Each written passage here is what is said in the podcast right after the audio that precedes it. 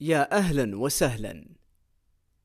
تسمعون البودكاست على الرف وأنا خالد مساعد. في حلقة جديدة من سلسلة بقول لك وهي سلسلة تعودنا عليها إنها تطلع من سطوة السكريبت وتقييد النص إلى سعة الارتجال والحديث والنقاش معكم. أبى أقول لك عن كتابة المهام اليومية. هي تجربة عشتها خلال شهر من كتابة المهام اليومية من أصحى الصبح إلى المساء أنا وش بسوي في هذا الوقت. كنت أشتكي إن ما عندي وقت كنت أشتكي من إنتاجيتي.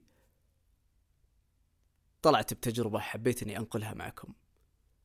هالحلقة تركز على معنى الوقت وخسارته التغيير التنظيم ترتيب المهام. طرق تساعدك على ترتيب مهامك اليومية. فكرة أن الأعمال المتراكمة اللي ما سويناها محبطة. كيف نرجع نعوض ثم نبدأ من جديد؟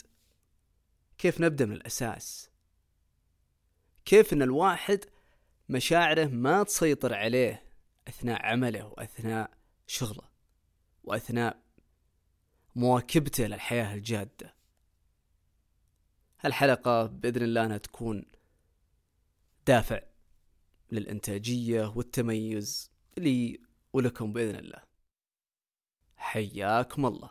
من الحقائق المؤلمة في هالحياة إن الوقت هو عمري وعمرك. وهي لحظاتنا. والأكثر إيلاما إن هالوقت ما هو قاعد يزود. ينقص في نزول. فطالما إنه في نزول أكيد إن كل واحد فينا يبغى يستغله ما يبغى يضيعه. إي نعم جزء كبير من حياتنا فيه ترفيه وفي سعادة وفي طلعة وفي روحة وفي جية. لكن فيه جزء ثاني يوازيه بالحجم.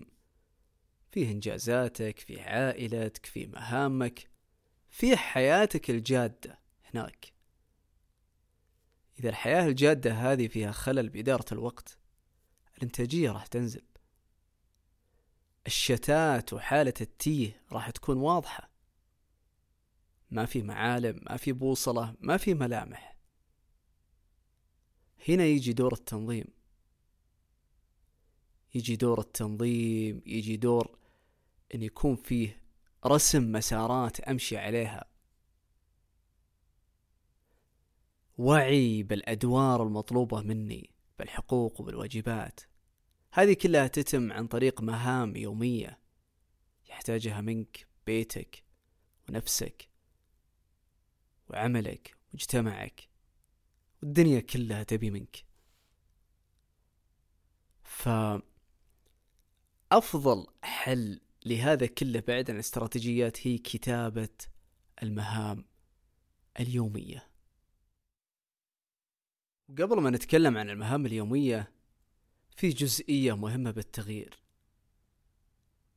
إلا ما تجي عندنا لحظات شعور بالتغيير.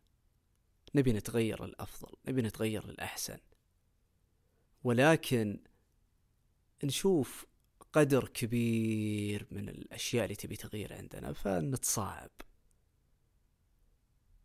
التغيير كفكرة جميل أن نؤمن فيها وجميل أن ننتهجها.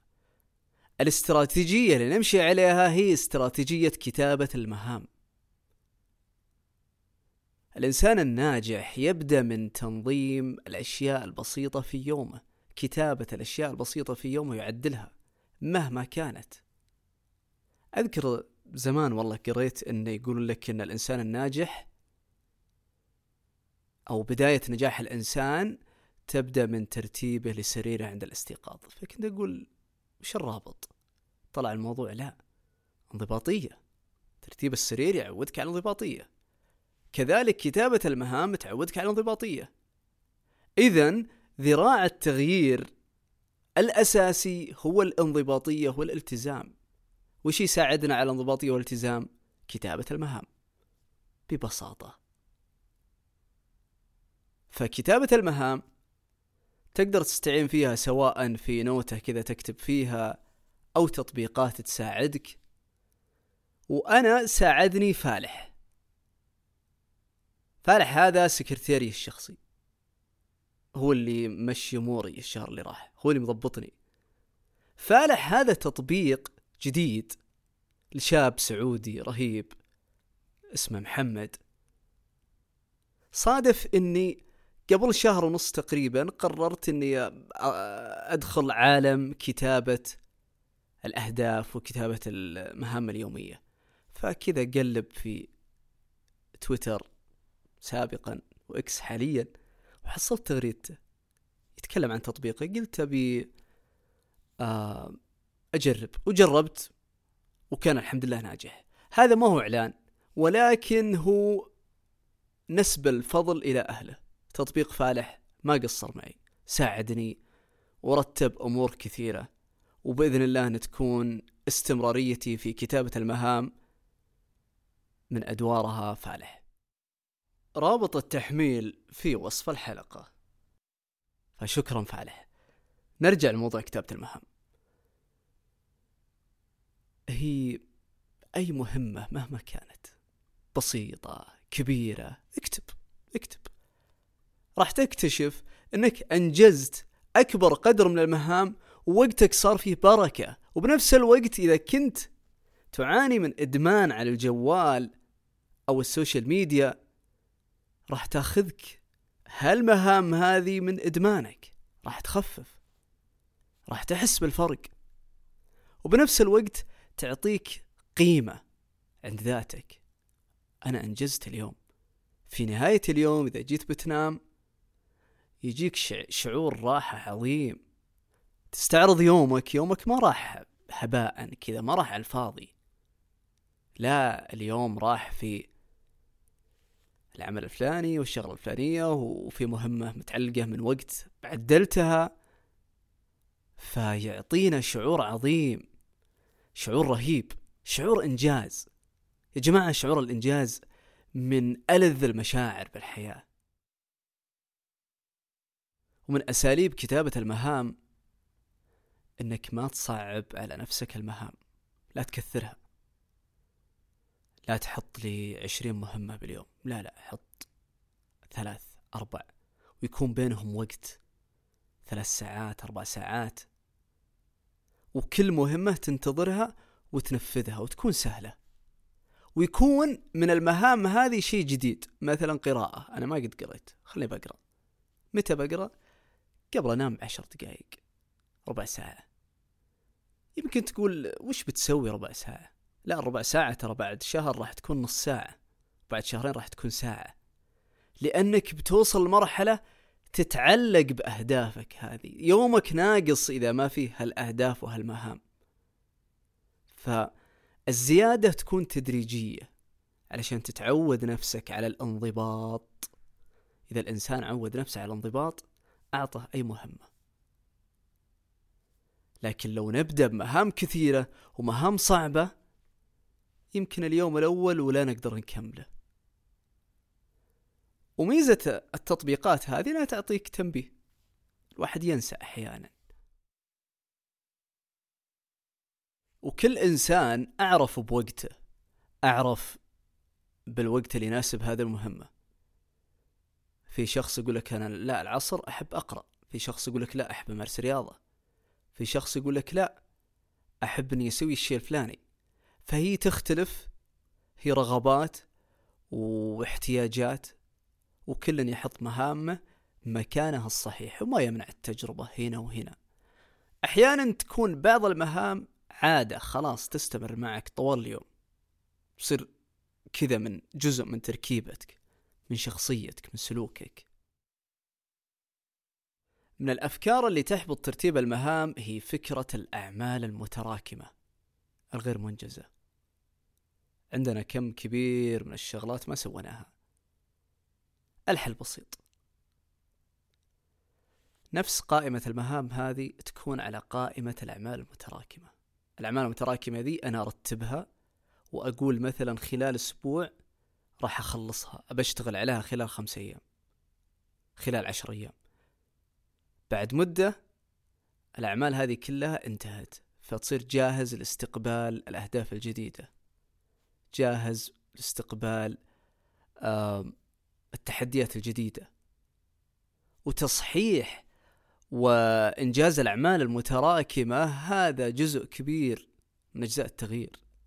لأن التغيير وش هو؟ هو تغيير الواقع. هو تغيير ما في النفس وتغيير ما في الأفكار. فطبيعي أن بعض الأعمال وبعض الأفكار وأحيانا الواقع هو بكبره يحتاج أن ناخذ وقت عشان نغيره. فهذا الوقت وتحمله جزء من أجزاء التغيير. تجي علينا أوقات يتلخبط الجدول. يصير ما في تنظيم ما في روتين كل شيء متغير مثل المناسبات. هنا عادي ما في مشكلة ولكن إني أرجع. مجرد ما تعدي هالمناسبة ويعدي هالوقت اللي لخبط الجدول كامل أرجع مرة ثانية. للإنسان المنظم المرتب. في البعض يقول لك ارجع وعوض ما فات. أنا ضد التعويض أمانة إلا إذا كان الواحد يقدر على نفسه. لكن ما في مشكلة ثلاث أيام أربع أيام اعتبرها إجازة وارجع وابدأ من جديد. ببساطة. وفيه سبحان الله بعض الأشخاص عندهم قدرة عجيبة وخارقة على أنه يشتغل حتى لو كان في مزاج غير جيد. حتى لو كان متضايق. حتى لو كانت نفسيته ضاربة مثل ما نقول. عادي يشتغل. أنا أشوف أن هذه مهارة لابد أنها تكون عندنا. مثل ما يقولون بالسيرة الذاتية العمل تحت الضغوطات. أعتبره عمل تحت الضغوطات. ف فعلا الواحد المفروض إنه يفصل ويحاول يوصل مرحلة الفصل. لا الآن شغل يعني شغل. بالذات الشيء اللي فيه متطلبات. أما أنك شيء بعملك بوظيفتك أو تبع أهلك أو حتى تبع نفسك. لكنك لازم تسويه إذا ما سويته عليه تبعات إذا ما عليه تبعات ما في مشكلة. يعني الواحد يخف على نفسه شوي. لكن بالأخير إحنا ما ننسى أننا بشر. لنا احتمال ولنا طاقة ولنا سعة نفس وسعة خلق بعد. خلاص إذا تجاوزناها نوقف ونقفل كل شيء. وهذا من حقنا. لكن ما يكون دايم. قفلة الخلق لها وقتها. وسطوة المشاعر كذلك لها وقتها. وتختلف حدتها من موقف لموقف.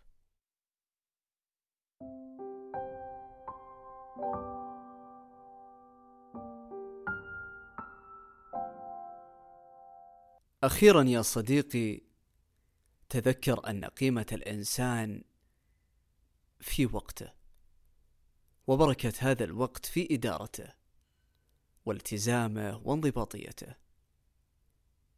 اللي تنتج وعي وتأثير ينتشر بين الناس.